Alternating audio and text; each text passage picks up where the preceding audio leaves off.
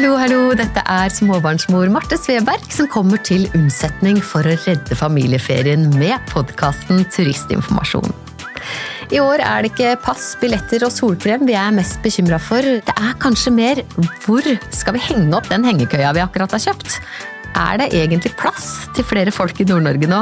Og hva i all verden skal vi gjøre når Dyreparken er utsolgt?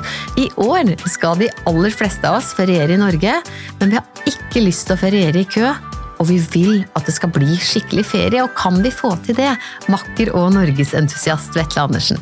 Selvfølgelig kan vi det. Jeg har eh, alternativene lina opp, og de er gode. Ja, og det er ikke de vanlige reisetipsene som alle kan google seg fram til, som du har å by på. Nei, jeg har gjort noe mye smartere enn det. Jeg har spurt de som er skikkelig lokalkjente, og som vet hvor alle de skjulte perlene er. Som til enhver tid er oppdatert på hvor det er mest folk, og om det er fisk i elva. Jeg har ringt over 100 Circle K-stasjoner over hele Norge, og det kommer til å redde ferien. Det lover jeg. Ha, hvor er det egentlig mest fisk i elva?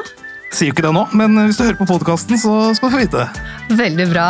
Vi høres i Turistinformasjon.